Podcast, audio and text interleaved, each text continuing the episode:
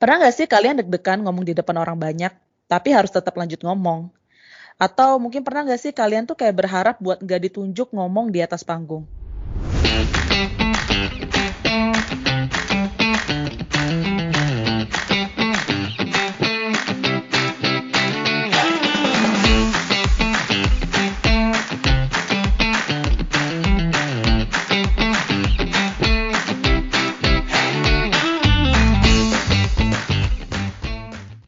Hai semuanya, apa kabar?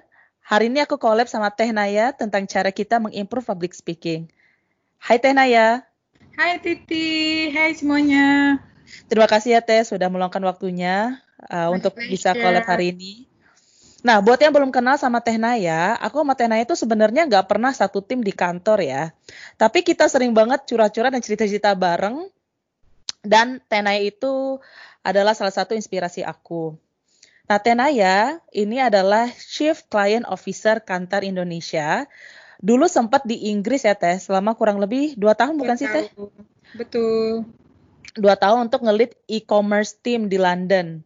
Jadi aku rasa ilmunya Tete ini bakal berguna banget buat semua yang mendengarkan podcast ini. Benar gak Teh?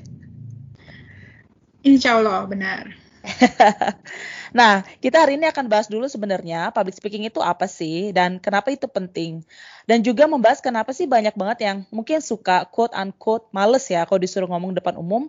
Padahal itu sebenarnya berguna banget loh buat kita. Dan tentunya terakhir tips and trick apa sih yang bisa kita implementasikan langsung supaya kita bisa mengimprove kemampuan public speaking kita. Nah, are you ready Teh? Ya, yeah, ready. Born ready, Titi. Oke. okay. Nah, Teh, Mm. Apa yes. itu public speaking teh? Kenapa sih teh public speaking itu suatu kata yang sangat sering didengar dan apakah itu benar-benar cuman tentang mengkomunikasikan audiens besar gitu? Oke, okay. kalau misalnya kita lihat dari definisinya, sebenarnya sih biasanya public public speaking itu adalah formal, kemudian tatap muka dan biasanya dilakukan oleh satu orang hmm. ke uh, banyak orang. Nah itu tapi itu definisi formalnya ya. Tapi sebenarnya kalau menurut aku pribadi bisa apa aja. Pokoknya selama berbicara kepada publik nggak harus formal dan juga nggak harus ke banyak audiens.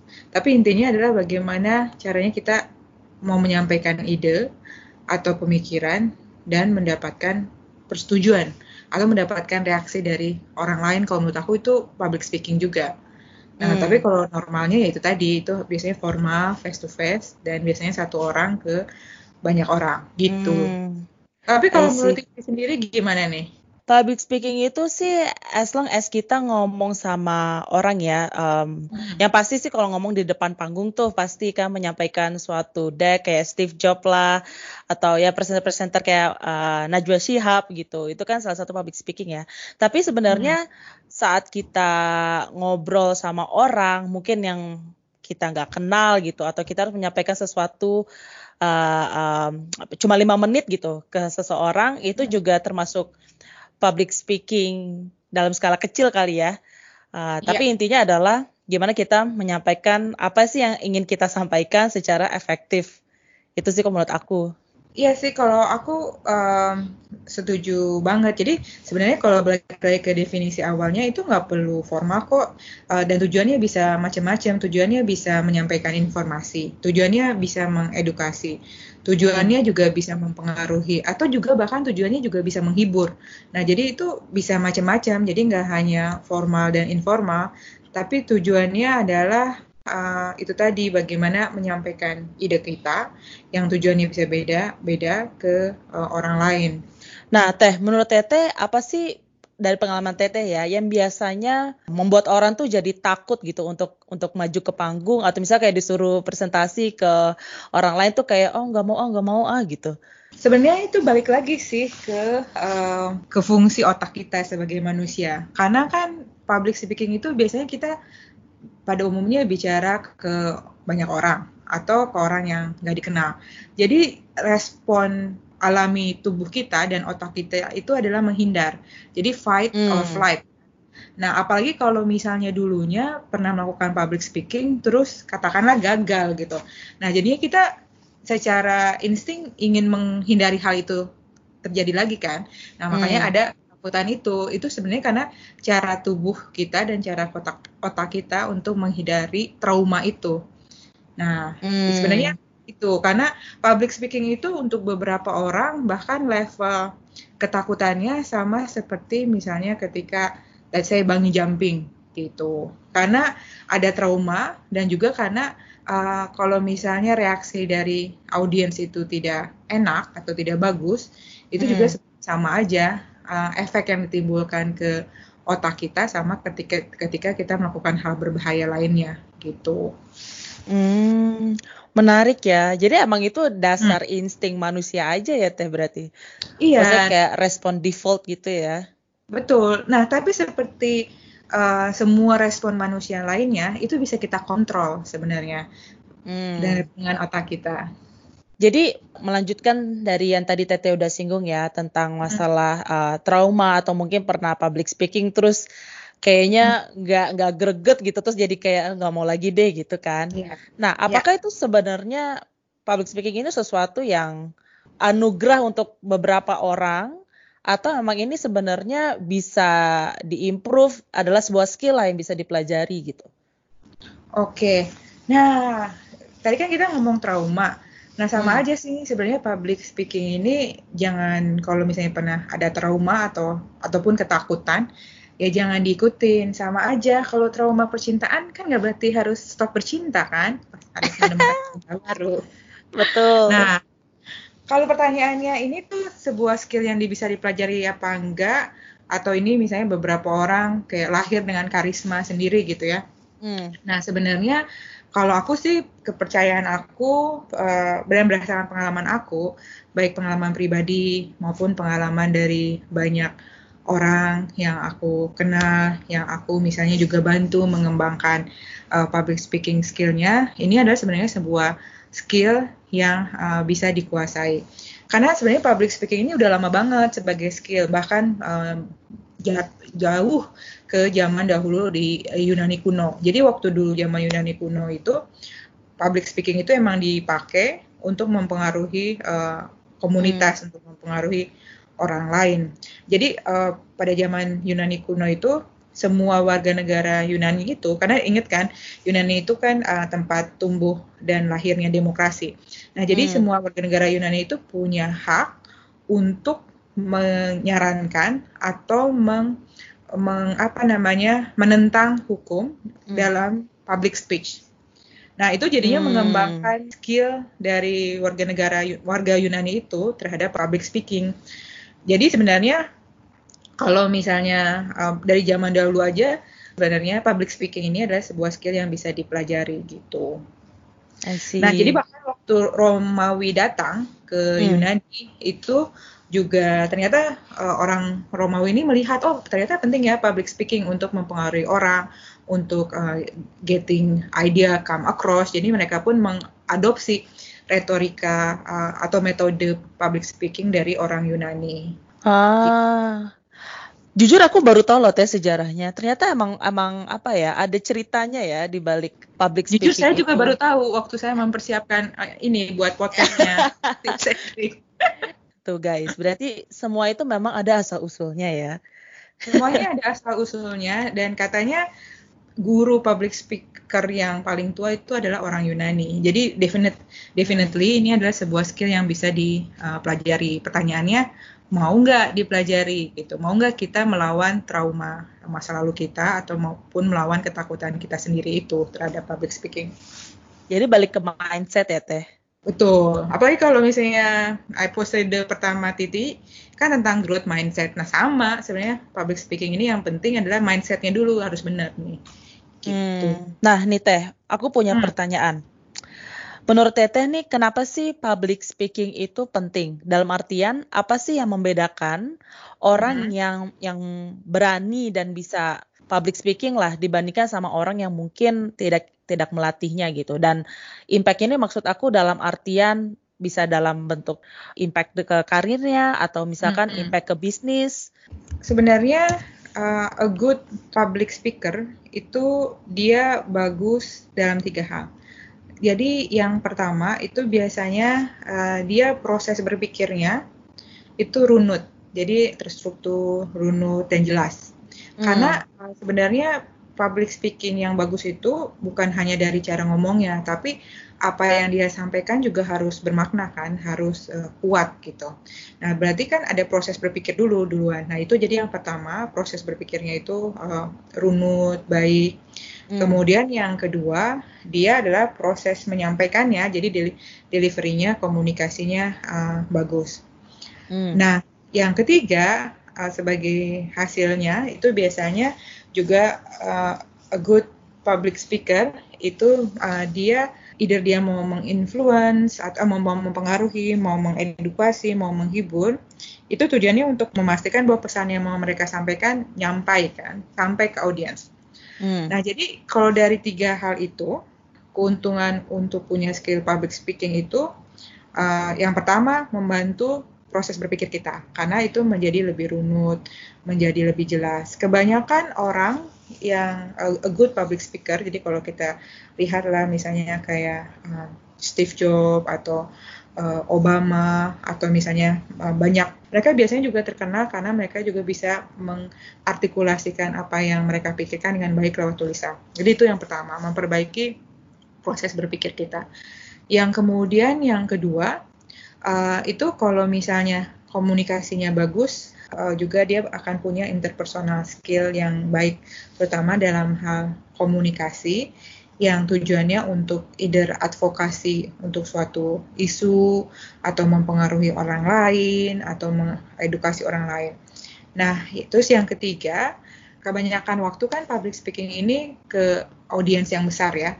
Apalagi kalau jam terbangnya udah sudah tambah. Nah ini juga memperbaiki, meningkatkan kepercayaan diri kita. Nah jadi sebenarnya nggak penting sih apakah itu mau di bisnis, apakah itu mau di kehidupan uh, pribadi ataupun pun misalnya kalau teman-teman masih uh, masih sekolah atau kuliah ya.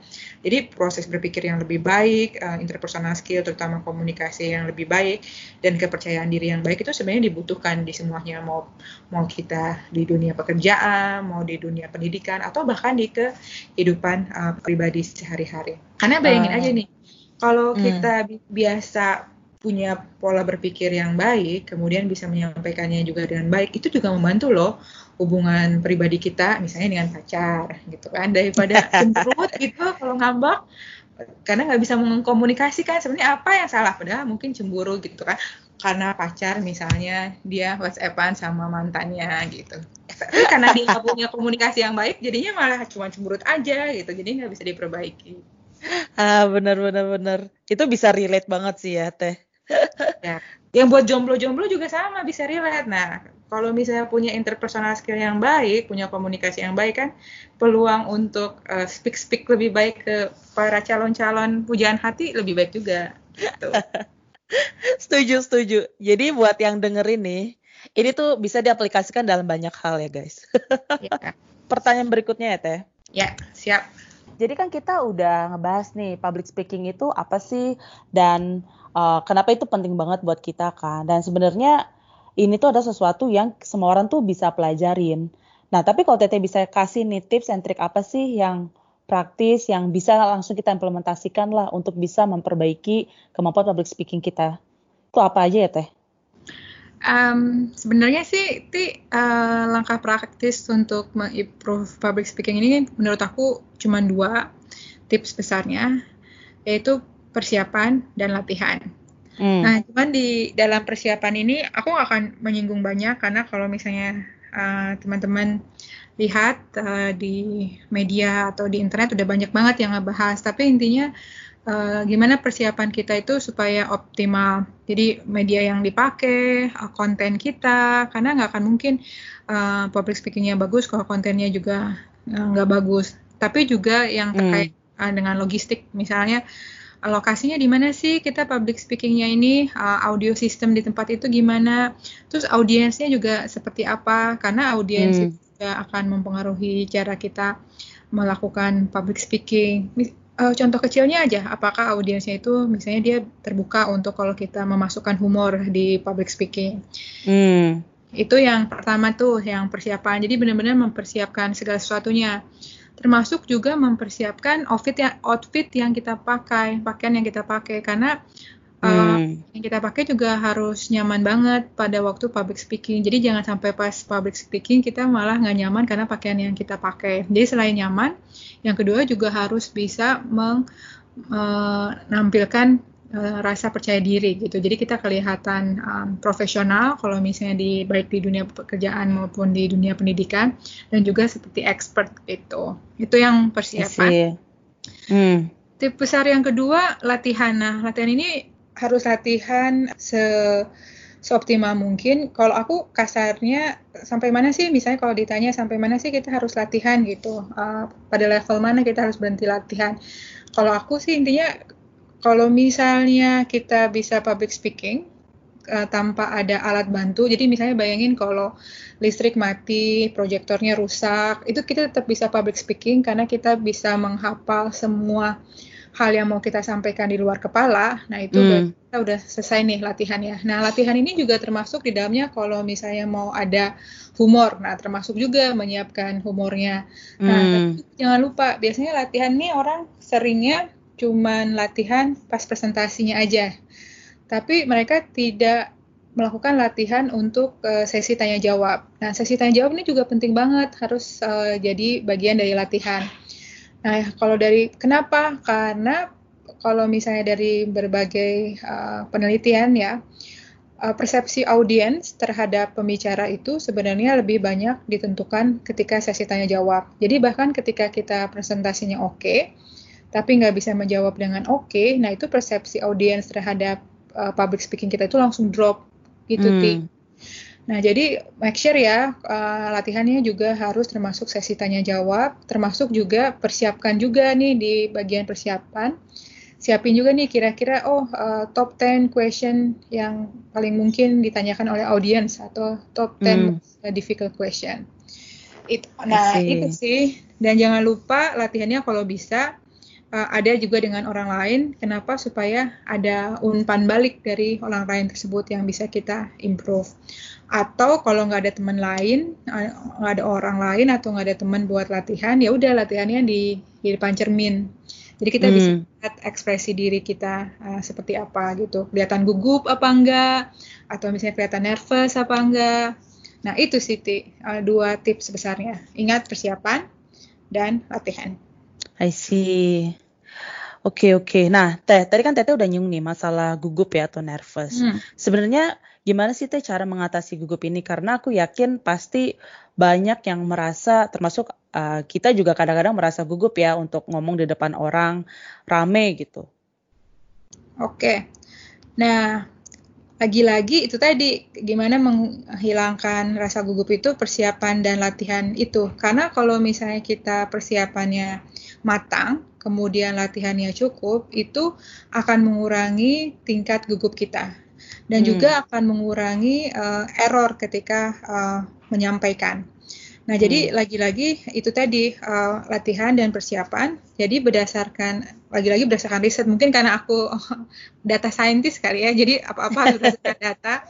Nah, jadi uh, latihan dan persiapan itu akan mengurangi rasa gugup sebanyak 75%. Nah, itu hmm. yang besarnya ya. Tapi kalau misalnya aku di sharing, diminta sharing apa sih lima, lima tips utama nih untuk mengatasi rasa gugup. Nah, yang pertama itu uh, kenali apa fidget kamu. Jadi fidget ini perilaku yang kita lakukan ketika kita gugup. Jadi beberapa orang misalnya mungkin dia memasukkan tangan ke dalam saku atau hmm. misalnya beberapa orang dia jadinya uh, terlalu banyak goyang badannya atau beberapa orang misalnya dia ngomong a e a e. Nah, jadi kenali dan cari tahu apa fidget kamu ini dan hmm. uh, kemudian hilangkan. Nah, hmm. itu yang pertama. Yang kedua, tips yang kedua, kalau gugup waktu presentasi ini, uh, kalau gugup itu biasanya kecenderungannya karena detak jantung bertambah, itu kecenderungannya kita berbicaranya jadi lebih cepat. Nah, hmm. Nah, itu terjadi, kamu justru harus, kita justru harus bicaranya lebih lambat. Pelan-pelan aja, jadi harus aware jadi lebih lambat. Ketika kita bicara lebih lambat, detak jantung itu juga jadi melambat. Ketika detak jantung melambat, itu rasa gugup berkurang. Jadi harus dilakukan tingnya ketika pengen ngomong cepat, justru jadinya lebih lambat. Hmm. Nah, itu yang kedua. Nah, yang ketiga, mindsetnya. Jadi ketika dat ketika mau public speaking, siapin dulu mindsetnya bahwa oke, okay, maksudnya thinking the good thing, positive thing. Jadi oh aku akan deliver presentasi yang bagus, aku akan memukau audiens. Jadi udah kayak kayak conditioning ourselves untuk hasil yang bagus gitu. Mm. Jadi jangan jangan fokus, aduh ini gugup nih banyak banget, gila ribuan orang gitu. Nanti mereka ngerti nggak ya presentasi aku justru harus conditioning dulu uh, mm. pikir kita supaya hasilnya uh, positif. Itu yang tiga. Hmm. Yang keempat, uh, ketika presentasi, coba lihat di audiens, audiens yang suportif sama kamu. Terus lakukan eye contact sama audiens tersebut. Jadi ignore orang-orang yang mungkin kelihatannya nggak hmm. suportif. Jadi dia yang misalnya rolling eyes atau dia kayak mensilangkan tangan di depan dada atau kayak yang geleng-geleng kepala setiap kamu mengatakan sesuatu. Jangan fokus sama orang-orang itu, justru fokus sama audiens yang suportif sama kamu terus uh, eye contact. Nah, kemudian kelima, ini sebenarnya mungkin bukan tips ya, tapi lebih ke pengalaman pribadi adalah make sure bahwa kita ada di tempat presentasi itu jauh lebih awal karena bayangin kalau misalnya telat itu udah pasti grupnya bertambah-tambah dan datang lebih awal itu jadinya kita punya waktu untuk memeriksa ruangan, memeriksa uh, audio system, juga melihat uh, present, mungkin kalau misalnya di konferensi yang besar melihat uh, presenter yang sebelumnya gitu hmm. sih. Jadi to recap uh, kenali perilaku gugup kamu yaitu fidget, um, berbicara lebih uh, lamban, siapkan mindset untuk berpikir akan hal yang positif. Keempat, fokus sama supporter. Yang kelima, uh, make sure datang tepat waktu, bahkan jauh sebelum waktu presentasi kamu untuk make sure bahwa semuanya oke. Okay gitu. I see. Dan ini tuh juga berlaku ya, Teh. sekarang kan kita meeting atau mungkin sharing itu lebih ke virtual ya, gara-gara kan hmm. kita di rumah um, hmm. dan dan ketemu di audiens besar itu mungkin belum memungkinkan saat sekarang. Tapi menurut aku ini juga relevan karena misalkan kalau kita mau presentasi nih ke bos kita uh, hmm. atau presentasi ke tim kita, kita bisa nih misalnya presentasi jam 3 tapi mungkin sebelum jam 3 tuh kita udah siap-siap gitu untuk make sure kalau uh, presentasinya tuh udah oke, okay, make sure kalau headphone kita nyala, make sure kalau misalnya kita harus pakai video uh, baju mm -hmm. yang kita pakai juga udah sesuai yang kayak tadi Teteh bilang. Dan mm -hmm. itu akan membantu banget untuk mengurangi rasa gugup itu ya Teh. Betul. Kalau untuk virtual juga aku tahu sih beberapa orang nggak suka uh, pakai video gitu, tapi uh, kalau menurut aku pribadi uh, dan itu dan juga kalau kita lihat dari berbagai macam artikel lebih baik dinyalakan videonya karena public speaking itu harus juga menampakkan ekspresi wajah uh, karena hmm. presentasi itu kan ada ekspresi wajah juga jadi make sure videonya dinyalakan juga gitu. Oke okay, oke. Okay. Nah Teh, aku punya pertanyaan lagi nih Teh. Jadi kan tadi Teteh sempat singgung masalah kalau kita itu baiknya latihan termasuk sesi tanya jawab karena itu adalah sesi interaktif yang menentukan apakah hmm. audiens kita bakal bisa engage atau enggak. Yeah. Nah, tapi kan kadang-kadang ya Teh, enggak semua pertanyaan bisa kita jawab kan. Betul. Atau ada pertanyaan-pertanyaan yang di luar bidang kita yang ditanyakan oleh audiens. Nah, Teteh yeah. ada nggak tips and trick gimana sih caranya jawab pertanyaan yang baik? Dan kalau hmm. kita nggak tahu jawabannya, apakah uh, reaksi kita tuh harus seperti hmm. apa gitu? Oke. Okay. Uh, jadi tipsnya yang pertama uh, pertama dulu nih ya, um, siapin dulu mindsetnya bahwa orang mengajukan pertanyaan ke kita ketika kita presentasi itu adalah hal yang positif. Jadi justru kita pengen itu terjadi. Jadi hmm. bukan, jadi siapin mindsetnya bukan orang itu pengen men-challenge kita atau ingin mempermalukan kita. Tapi justru ini hal yang positif karena uh, mereka mau uh, engage sama kita. Jadi itu yang pertama. Yang hmm. kedua itu juga um, yang tadi Titi bilang mungkin ada beberapa pertanyaan yang kita nggak bisa jawab karena itu di luar kompetensi kita. Nah yang kedua tips yang kedua itu kita harus acknowledge bahwa kita nggak punya semua jawaban. Nah jadi nggak apa-apa ketika presentasi itu kita mengakui bahwa saya tidak punya jawaban untuk pertanyaan ini karena bukan kompetensi saya. Tapi, nah tapi ada tapinya. Tapi saya bisa mencari tahu ke orang yang ahli di bidang ini atau hmm tapi berdasarkan pengalaman saya ini atau tapi berdasarkan pengamatan saya ini. Jadi hmm. uh, acknowledge aja pertama kita nggak punya um, uh, kompetensi untuk menjawab ini, tapi ada tapinya gitu. Karena hmm. justru kalau menurut aku pribadi uh, lebih lebih tidak profesional ketika kita mencoba menjawab, padahal kita nggak punya kompetensi uh, tentang itu, karena itu justru menunjukkan bahwa kita sebenarnya nggak nggak capable. Jadi lebih baik kita acknowledge bahwa kalau emang kita tidak punya jawabannya. Tapi bukan hmm. berarti kita nggak bisa menyampaikan pendapat kita ataupun observasi kita. Bisa aja, tapi kita menjelaskan terlebih dahulu bahwa ini bukan berdasarkan kompetensi saya, tapi ini berdasarkan pengalaman pribadi atau pendapat pribadi saya. Jadi audiens itu benar-benar paham bahwa ini bukan sesuatu yang berdasarkan skill atau kompetensi kita. I see. Gitu. Tips yang ketiga, kalau menjawab, itu adalah sebelum menjawab, didengerin dulu. Aku sering banget tuh lihat banyak yang presentasi atau public speaking, hmm. si audiensnya belum selesai uh, ngomong, itu udah langsung dipotong karena kecenderungannya kita mendengarkan dengan niat untuk menjawab. Padahal harusnya dengerin dulu aja sampai selesai, uh, baru, baru dijawab. Nah, it, nah pas menjawabnya itu juga jangan ke mana-mana. Jadi jawabannya jawaban pendek itu lebih baik. Misalnya pertanyaannya itu adalah yang uh, jawabannya yes or no, ya, hmm. iya atau tidak. Nah, sebelum menjelaskan dulu, lebih baik jawabannya iya karena bla bla bla. Jangan bla bla bla bla bla bla bla bla bla. Jadi uh, jawabannya iya dulu iya karena ini, tidak karena ini atau mungkin karena ini. Jadi short answer dulu mm. baru jelasin gitu. Tips yang terakhir ini justru gimana caranya kalau pas presentasi nggak dapat pertanyaan itu sedih banget loh sebagai presenter karena krik-krik banget karena kita oh bingung oh iya benar benar kenapa benar. audiens nggak nggak bertanya apakah topik kita nggak menarik atau misalnya di, mereka nggak paham apa yang kita sampaikan nah hmm. jadi tips yang terakhir itu lah gimana caranya nih ketika kita nggak dapat pertanyaan padahal kita pengen ada engagement kan dari audiens hmm.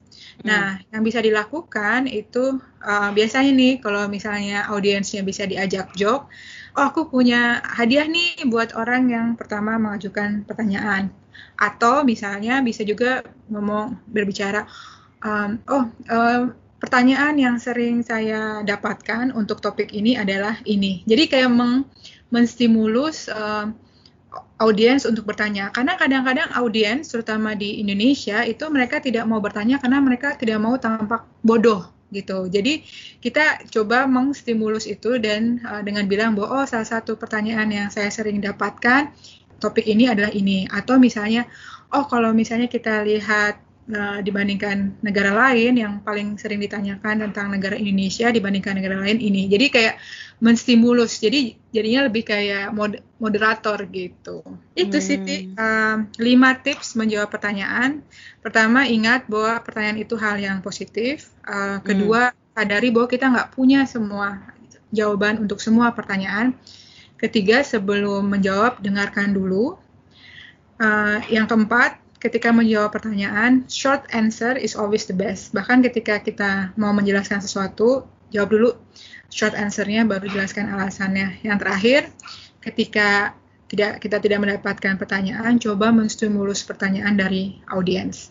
Itu, Teh. Wah, itu super helpful banget sih, Teh untuk bisa menjawab pertanyaan. Karena aku gak kepikiran sih yang tips terakhir itu sebenarnya kapan hmm. eh bukan kapan sih tapi kayak sering kita mungkin terlalu asik berbicara terus gak ada yang nanya ya itu lumayan bete sih karena yeah. ini orang dengerin gak sih gitu tapi sebenarnya itu bisa diatasi juga ya teh dan itu balik lagi ke persiapan dan latihan dan kita juga harus mempersiapkan kalau misalkan ada orang yang gak nanya atau misalkan ada orang yang kira-kira bakal nanya nyecer mm -hmm. uh, balik lagi bagaimana kita bisa mensimulasikan lah pas lagi latihan itu harus jawab apa dan ekspresi muka kita seperti apa. Ya, jadi kalau terkait persiapan dan menjawab uh, menjawab pertanyaan di sesi tanya jawab yang harus disiapkan itu adalah siapkan top 10 most anticipated question. Jadi kalau lihat presentasi kita, oh ini orang pasti nanya ini ini. Siapkan pertanyaan dan jawabannya juga. Hmm. Yang kedua siapkan juga top 10 most avoided question. Uh, jadi kita kayaknya nih mungkin orang nanya ini tapi ini pertanyaannya susah nih. Nah, jadi daripada kejutan pas uh, presentasi beneran ya lebih baik disiapkan pertanyaan dan jawaban. Terutama kalau misalnya presentasinya terkait data gitu ya atau angka itu kadang-kadang kan mungkin oh ini kok uh, gini-gini gitu itu mungkin uh, avoidable gitu. Hmm. Oke, okay. dan menurut aku sih ini juga kayak kan banyak ya yang bilang kalau saat orang yang jago public speaking ngomong itu tuh berkarisma banget, terus kayak uh dapet banget gitu. Nah tapi kayak tadi juga udah pernah singgung ini kan sebelumnya ini semua tuh balik lagi ke persiapan dan latihan even Steve Jobs even mungkin Teh Naya sendiri juga pasti ber apa ya berlatih tuh berjuta-juta kali gitu sebelum hari hanya untuk mempersiapkan hmm. ini semua. Iya betul. Jadi nggak ada yang namanya instan um, karisma. Oke kalau kita ngomongin nggak nggak jangan Steve Jobs deh terus jangan aku gitu uh, kan salah satu the most uh, inspired TED Talk speaker itu Simon Sinek kan hmm. nah itu dia juga bisa menjadi pembicara yang seperti sekarang itu uh, melalui latihan dan persiapan jadi nggak ada yang namanya instan instant things like uh, charisma on stage gitu. Uh, Simon Sinek itu dia introvert people, introvert person. Jadi bahkan ke, di salah satu interview dia bilang di um, kalau misalnya dia diundang ke suatu event, itu either dia datang ke event itu tapi ya diem-diem aja gitu di pojokan atau nggak datang sama sekali dan yang lebih sering itu nggak datang sama sekali. Jadi yang kayak uh, sesi kedua titik kemarin sih sama Silvani nggak. Jadi nggak benar gitu bahwa hanya orang ekstrovert yang bisa punya karisma on stage itu nggak ada hubungannya sebenarnya. Wah, Terima kasih banget loh Tete udah sharing banyak banget dan juga tips and trick. Dan menurut aku buat semua yang dengerin ini, kita bisa banget mengambil langkah ini. Setidaknya one thing at a time ya.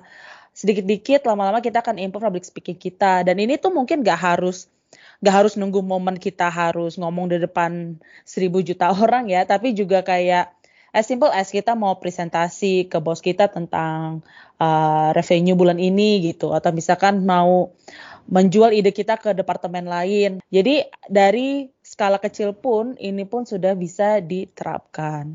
Dan bahkan kalau dari skala kecil, bahkan aku uh, mikirnya bahkan skala yang lebih kecil lagi nih, Ti. Contohnya, kalau misalnya teman-teman yang akan jadi fresh graduate, uh, mau ngomong sama HRD di perusahaan yang di-apply untuk mendapatkan hmm. gaji yang lebih tinggi. Hmm atau misalnya ngomong sama bos untuk bisa dapetin promosi. Nah itu bisa dipakai juga public speaking. Kita tuh uh, sering kali percakapan-percakapan yang seperti ini kita datang aja langsung ke tanpa persiapan dan latihan dulu. Padahal harusnya disiapin dulu karena ini kan penting loh menyangkut promosi, menyangkut uh, menyangkut uh, apa namanya pekerjaan pertama sebagai fresh graduate. Jadi hmm. justru siapin konten apa yang mau kita uh, sampaikan ke bos kita ataupun ke HRD. Kalau misalnya dia nanya kenapa kamu mintanya gajinya segini, kenapa nggak segini, apa yang bisa kamu berikan ke perusahaan atau kenapa kamu minta promosi. Nah itu kan berarti disiapin juga dong sesi tanya jawabnya, latihan juga. Kira-kira kamu mau jawabnya gimana? Karena again public speaking buat aku itu bukan ke, hanya ketika ngomong formal di konferensi atau misalnya di seminar atau di webinar kalau zaman sekarang virtual, tapi intinya adalah gimana kamu uh, bisa mengungkapkan apa yang ada di pikiran kamu dan mendapatkan buy-in atau mendapatkan persetujuan dari orang lain. Jadi either itu uh, big scale kayak konferensi, tapi bahkan hal-hal kecil atau gampangnya lah misalnya kayak ke orang tua mau ngenalin pacar gitu. Nah disiapin dulu nih kenapa saya memilih orang ini sebagai pacar saya gitu. Setuju teh, setuju teh itu relate banget sih emang. aku mau bilang terima kasih banget Tenaya udah uh, meluangkan waktunya collab dengan aku di podcast ini di tema yang aku percaya banget Tete sangat passionate about dan balik lagi semua orang itu pasti bisa public speaking asal mereka mau belajar. Nah, jadi buat yang lagi dengerin nih, kamu berikutnya mau presentasi ke siapa?